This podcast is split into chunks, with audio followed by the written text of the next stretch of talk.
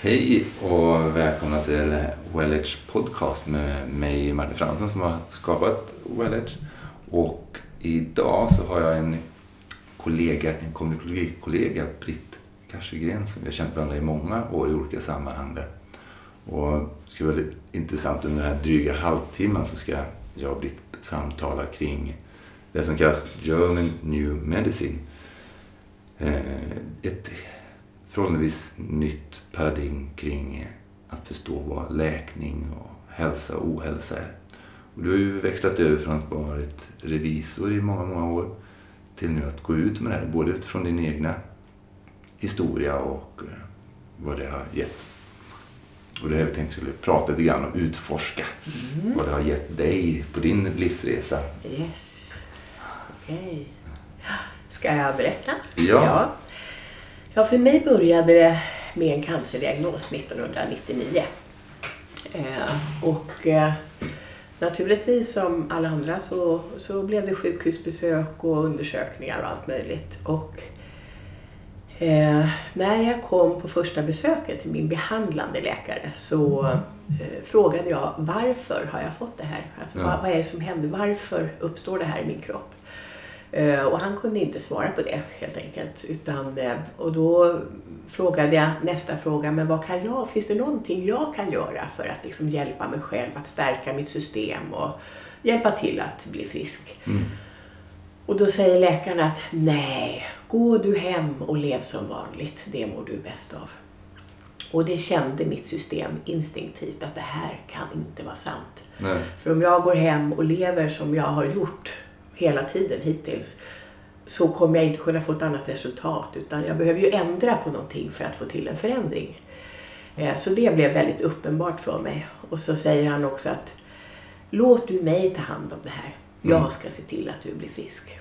Och då eh, tänkte jag, men han vet inte vad han pratar om. Han har inte ställt en fråga till mig.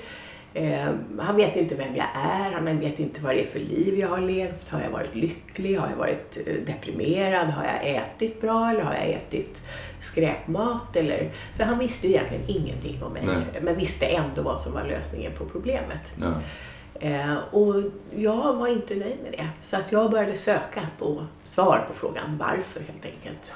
Och då, då du kom i kontakt med Ja, efter eh, oh, jag har sökt och eh, provat på mycket.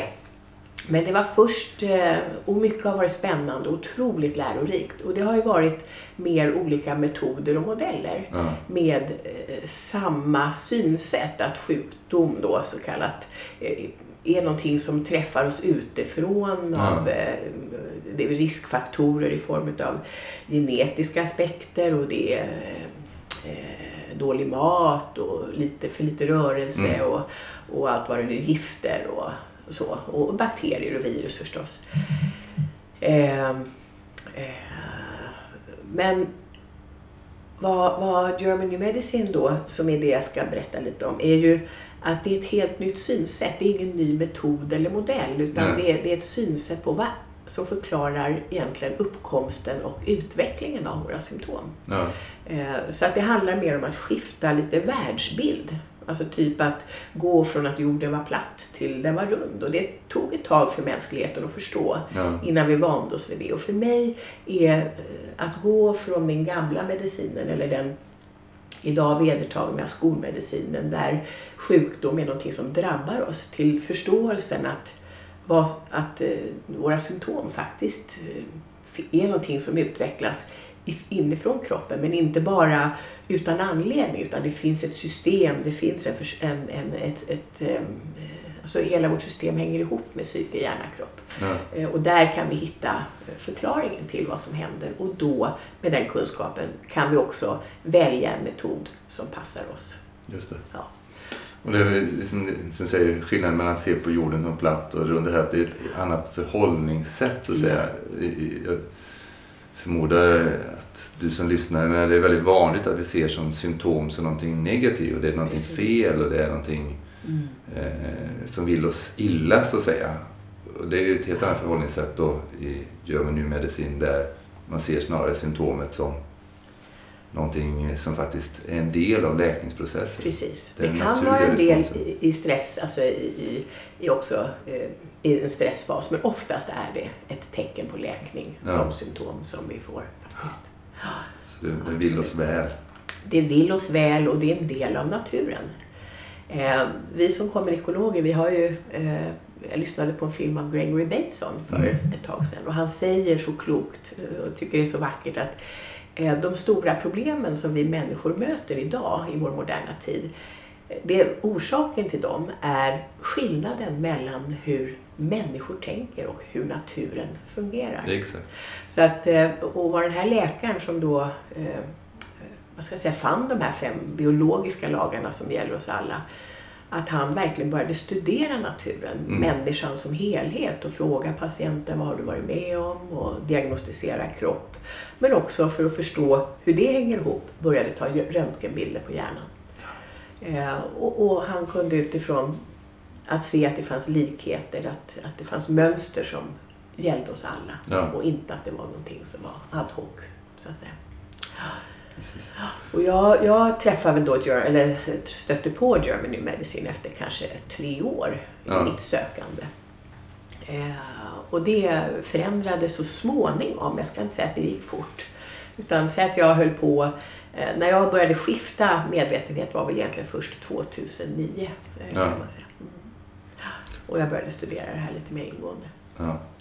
Och du sa skifta medvetenhet, så säga. Medveten, och det är just det här från hur ändrar du ditt förhållningssätt till din sjukdom och till sjukdomar och symptom? Vad var det som hände inuti ja. Eh, där när du utvecklade lite grann och, tilliten och, ja.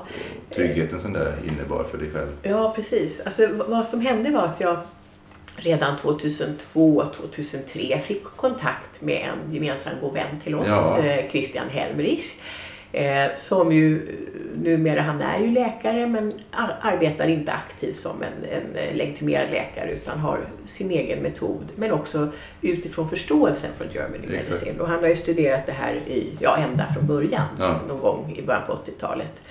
Så att, eh, och när jag fick kontakt med honom så kunde han förklara för mig varför. Mm. Han kunde ge mig svaret på frågan varför utifrån Germany Medicine. Så att medvetet eller snarare omedvetet skulle mm. jag tro så, så har jag förlitat mig på det som Christian sa. Därför, inte bara för att eh, det, men det stämde med mitt system. Mm. Han gav mig svaret och, och, jag bara kände att det här var sant. Ja. Och jag visste inte heller att, att känna hade en betydelse. Nej. Nej så det är också någonting som Christian har lärt mig och, och mycket annat som jag har gjort. Men, men att förstå att vi behöver börja lita lite på våra inre signaler. Exakt. Om vi ska gå till höger eller vänster och, och verkligen ta kontakt med den inre kompassen. Mm. Och, ja. Så att, eh, eh, men varje gång när jag kom från läkaren, jag, jag fortsatte att gå på mina kontroller och de fick undersöka mig med jämna mellanrum. Och, och så mina, så att säga, som då kallades tumörer eller svullna lymfkörtlar, de liksom kom och gick lite grann. Ja. Och, och så fort jag, de sa att nu är det något som har kommit, då gick jag hem och ringde till Christian och så pratade vi om det utifrån Germany Medicine och han förklarade Britt, du är i läkning, det är fantastiskt. Ja. Ja. Och så fick han mina rädslor att försvinna eh, och utbytas mot glädje och tillit. Eh, och jag vågade liksom gå vidare till nästa möte med läkaren som skulle vara kanske om ett halvår eller till och med ringa och säga att nej, jag avstår. För det är väl det som har varit kanske min framgång då, att jag har har av, jag, har inte, jag har inte sagt nej någon gång, utan bara tillfälligt. Jag har sagt att jag skjuter på det här. Jag vill avvakta och se vad som händer. Ja. Och också då utgått ifrån, men hur mår jag just nu? Mm. Alltså, mår jag bra? Är jag trött? Eller är jag, har jag ont? Eller så jag har ställt mig frågor och verkligen börjat känna efter. Hur känns det i mitt system? Och när jag jämför hur det känns i mitt system med vad doktorn säger att jag är sjuk, att jag har cancer, att jag ska ta cellgifter, så, så har den världsbilden inte stämt för mig. Nej. Så jag har sagt att men då, då väntar vi till nästa gång. Jag kommer tillbaka om några månader. Och ibland visar det sig att mina eh, tumörer då som det kallades, eller mina svullna lymfkörtlar, att de faktiskt hade gått ner. Mm. De försvann. Och så syntes inte på röntgen igen. Och då, eh, så att det här gjorde jag ända fram tills 2008 egentligen, eller 2009 började jag söka igen mer och ville utbilda mig för då förlorade jag min syster i sviten av eh, cancer och tänkte Ja. Men nu får det vara nog. Nu, nu vill jag veta mer. Ja.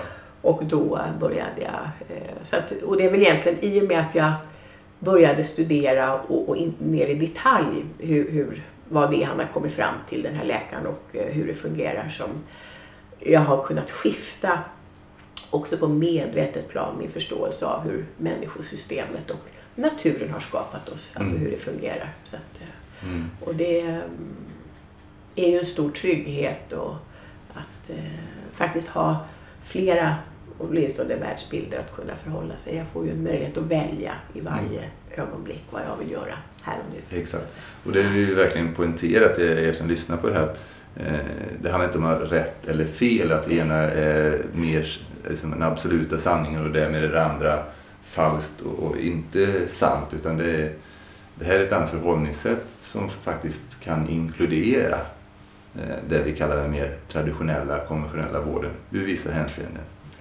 Eh, men det är ju vissa förhållningssätt som skiljer sig åt. Just det här att istället för att föra krig mot symptomen eller mot cancern så är jag ser det som att det är en, en biologisk princip som aktiverats och som faktiskt finns utifrån det bästa som ens befintliga biologi, nervsystem och organism utifrån hur den har tolkat livsomständigheter som har varit och är så aktiverar de här programmen. Mm, precis. Och, och väl, utifrån en väldigt specifik upplevelse. Mm.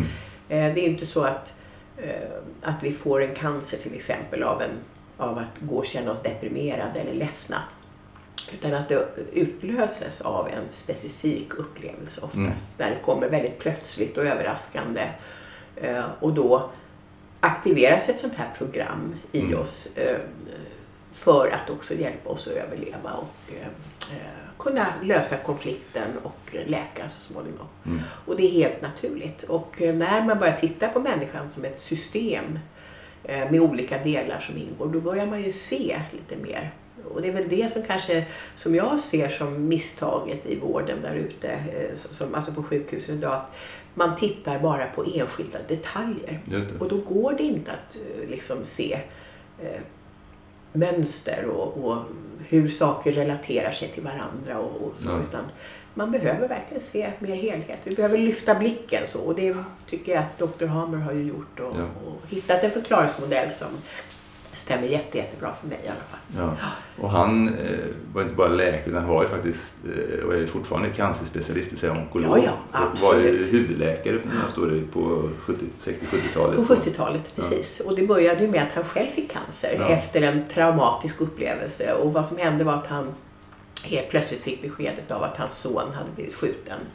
Och pojken dog så småningom.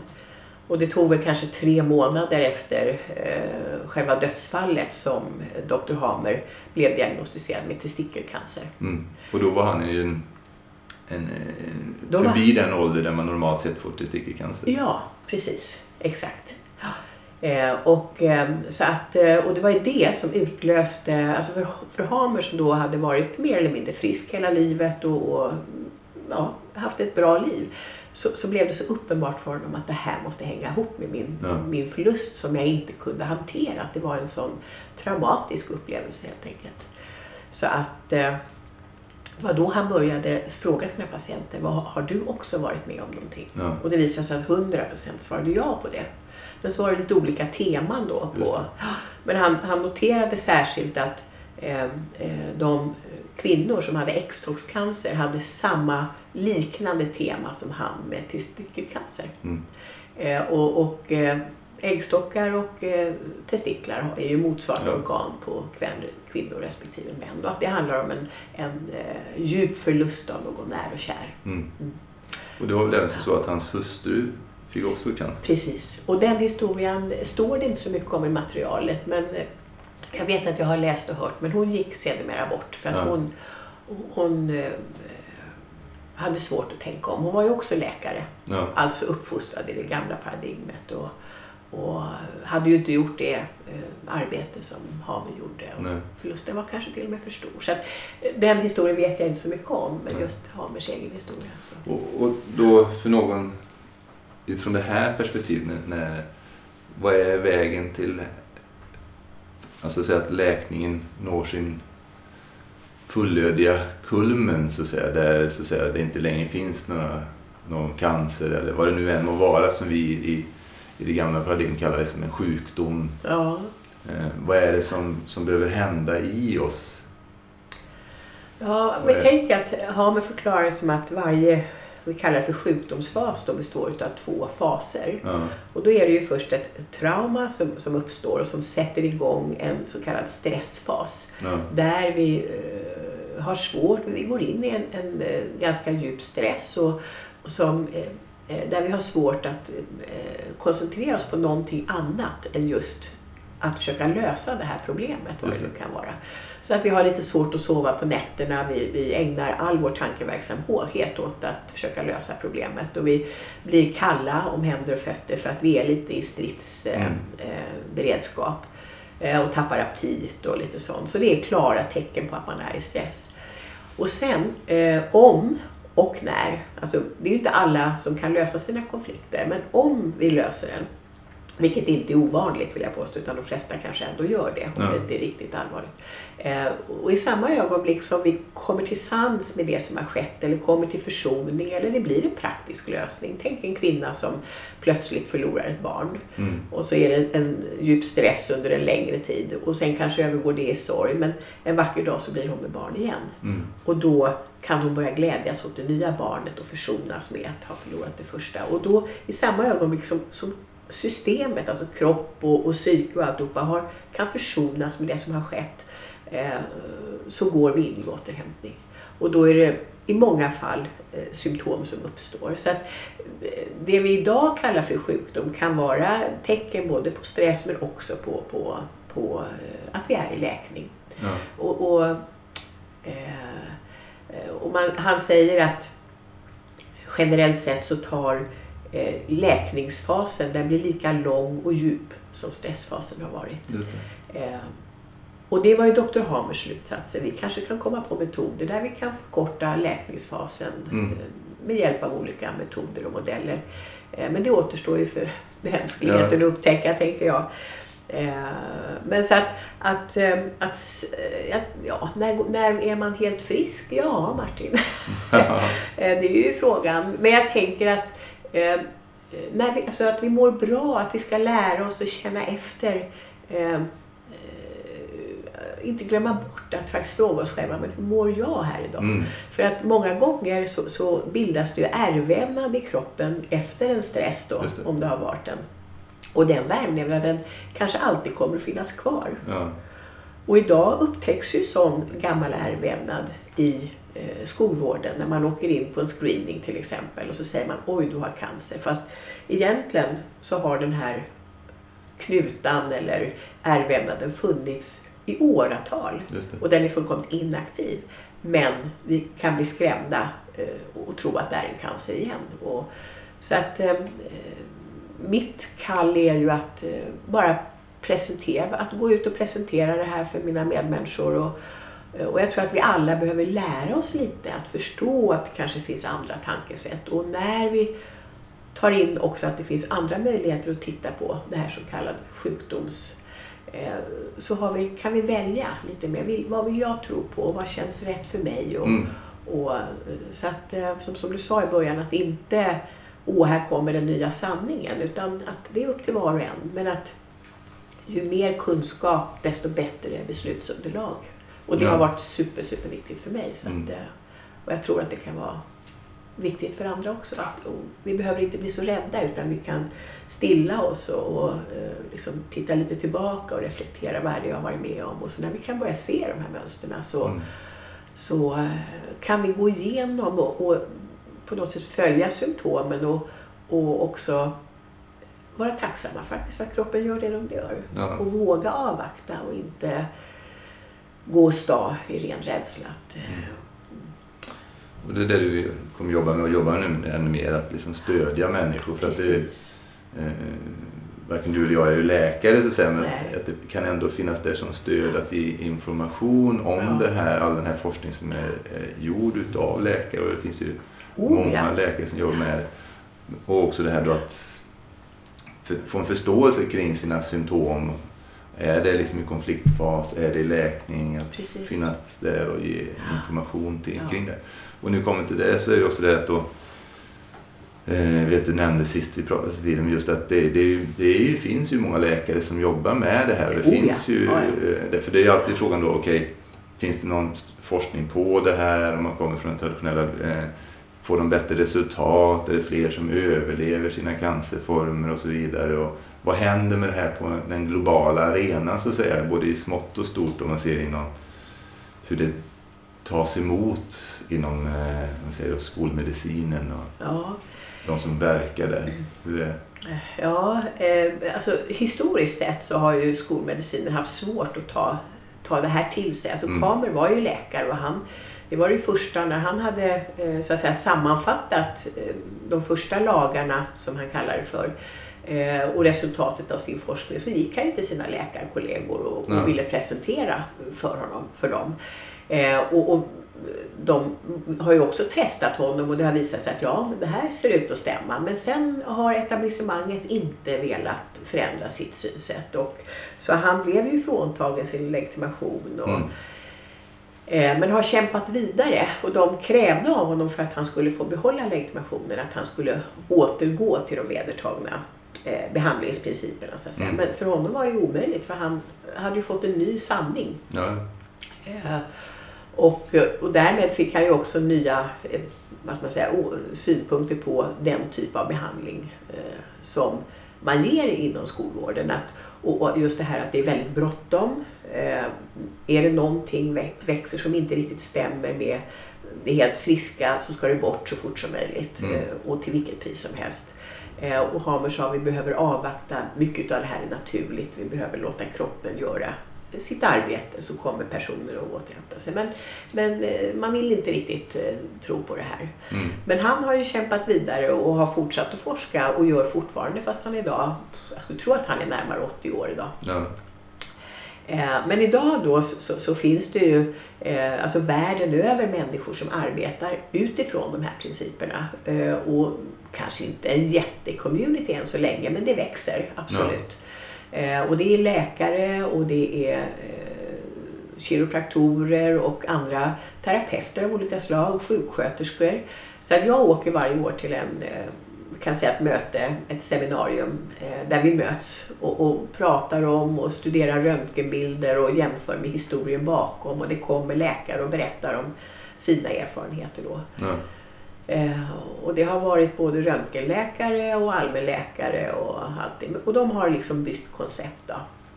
Att de jobbar utifrån det här perspektivet. Och jag tror att det var från 2012 så är det faktiskt en av de vedertagna eller allmängiltiga metoderna i Nicaragua. Så att det har ju blivit Ja. en, en, en eh, legalt accepterad också i, i ett land. Så att, eh, det är fantastiskt. Ja. och, och nu så håller man då på att utbilda läkare så att hela läkarkåren där nere ska så småningom eh, agera utifrån det här.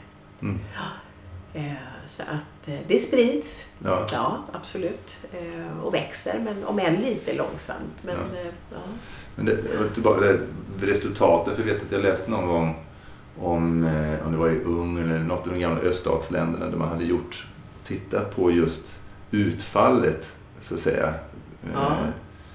mätt då utifrån vanliga, men alltså hur många fler som tillfrisknade ja, eh, jämfört med det konventionella sättet att precis. ta hand om de här cancerpatienterna. då, Som man nu, ja, det vi kallar cancer då i vanlig... Ja, och vad är cancer? Ja. Idag så ökar ju antalet cancerdiagnoser. Man upptäcker ju nya Mm. saker. Och det är väl så fort det finns en eh, så kallad främmande förändring i kroppen så, Mm. så eh, ger man det etiketten cancer. Eh, vilket ju är skrämmande. Ja. Eh, men det står i materialet eh, att eh, när, om en patient kommer till Dr. Hamer eh, och då inte har tagit kanske cellgifter och sånt här som är väldigt tungt för systemet Mm. för det tar ner vårt immunförsvar utan att vi kommer eh, just när vi har fått en diagnos då, då har han en överlevnadsprocent på någonstans 95 till 98 procent. Ja. Eh, och det är inte illa. Nej. Nej. Det är väldigt bra. Och, och vad handlar det om? Jo, men det handlar ju om också till stor del, tänker jag, att han förstår eller har förstått att många utav det så kallade cancer är faktiskt någonting som pågår i återhämtning och att här gäller då att kanske inte gå in och intervenera med, med, behandling, alltså med, med tuffa behandlingsmetoder utan att avvakta och stötta systemet med, med ska vi säga, kontraindikerande mediciner. Då. Så att om du är i stress, då ska vi ha en lugnande medicin. Och är du i alltså i djup återhämtning där kroppen är helt slut och trött och du behöver sova mycket, då ska vi ge en liten medicin som piggar upp systemet istället. Mm. Så att man verkligen försöker balansera ut eh, stress och eh, återhämtningsfasen så ja. att det blir så lättsamt som möjligt mm. för patienterna. Ja, jättespännande. Vi börjar närma oss avrundningen. Det, väldigt, det finns ju otroligt mycket att läsa. Det är väldigt, oh, ja. Eh, ett väldigt stort material. Ja. Eh, både på detaljnivå och det är väldigt brett och djupt och det är väldigt sammanfattat också om man nu tittar på de fem biologiska lagarna. Ja. Bara det. Sen kan man gå ner väldigt mycket. Du har ju studerat, fortsätter studera det här mm. under flera år. Så om man vill få kontakt med dig och vill veta mer, hur bär man sig åt då? Ja, eh, just nu så, ja man får hitta mig på, på mejlen förstås. Jag har britt.kassegren.telia.com. Eh, jag håller på att bygga min hemsida eh, så att den kommer att komma ut. Men jag tror att, eh, att gå på den här hemsidan som jag kommer att vara en del av mm. Så småningom när jag har gjort ett utbildningsprogram så, så kommer jag komma upp och det heter Learning eller www Learning GNM eller GNM som står för Germany Medicine. Learninggnm.com mm. Och där kommer jag att finnas med mailadress och lite sånt. Kontaktuppgifter, ja. telefonnummer och sånt. Också, ja. Ja.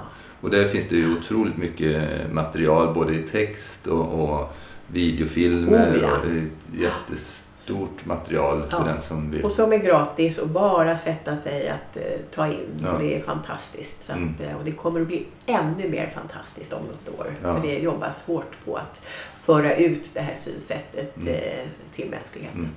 Det kan ju lätt med alla dessa, när man är i den situation som du själv var för många år sedan, så kan det lätt bli förvirrande när det är så mycket information och man läser på nätet och man försöker sätta sig in i och skapa en bild. Och det, synbarligen världsbilder som kraschar mot varandra. Eller är den platt eller rund? Den är ju platt i vissa hänseenden. Beroende hur stort område tittar du på så att säga. Mm. När kröker det sig. Och det finns många förhållningssätt. Eh, men just det då att kunna få kontakt med dig och få lite stöd i den här processen Absolut. eftersom du själv inte bara har lärt dig materialet utan dessutom så har du en väldigt intim personlig resa i, i detta här då, i och med att du då traditionellt diagnostiserad med en cancerform. Ja, precis. Och, och som sagt jag börjar ju nu lite lätt att gå ut eh, och presentera bara mm. min historia tillsammans med en kort presentation av de fem lagarna. Mm. Så vill man att jag ska komma till en mottagning eller till en grupp vänner eller någonting så, så gör jag gärna det. Ja. Eh, och, och, visar var man kan hitta mer information någonstans. Och sen så har jag tänkt att under nästa år börja hålla små introduktionsföreläsningar. Typ sånt som redan finns på nätet. Ja. Men att jag ser min uppgift är att översätta det till svenska. För det, det mesta materialet som finns idag är ju på engelska. Det finns ett par eh, artiklar som jag har översatt till svenska ja. på den här hemsidan. Då. Eh, och sen eventuellt om det finns intresse att jag börjar utbilda lite i studiegrupper det. inom det här så ja. att man kan lära sig för husbehov. Ja.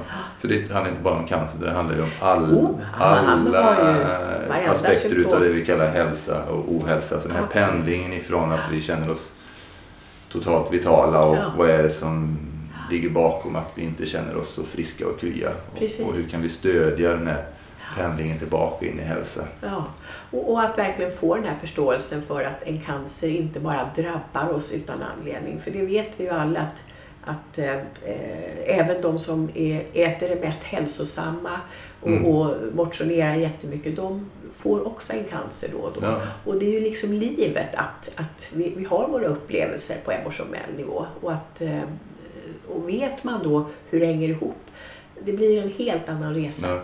Ja, det är ju väldigt spännande att ha det här. Jag har inte studerat det så in i detalj, men jag har liksom genom åren satt mig in i olika aspekter och det underlättar ju väldigt mycket förståelsen. Ja, och det, för mig som kiropraktor som studerat embryologi, hur, hur vi utvecklas ifrån fosterlivet och hur det hänger samman med det som kom innan mänskligheten så att säga, alla vävnadslag och så, så det är det är ett väldigt vackert system. Oh ja. Och det, är väldigt intressant att ta del utav det bara för att få en djupare förståelse kring hur vi fungerar som människor. Precis. Ja. Ja, och vi lägger ju ut den här eh, podcasten så du har hittat den på något sammanhang och vi uppskattar jättemycket. Nu är jag och Britt som sitter här och pratar med varandra. Att vara i dialog med dig också och få ta del av dina kommentarer. Så skriv kommentarer här nedanför eller mejla till oss på info.wellage.se och så vidarebefordrar det till Britt också givetvis. Absolut. Så vi får ta del av vad du vill lära dig mer omkring det här och vad du lärde dig och frågor som du kanske har där. Och så kan vi ta det över mejlen.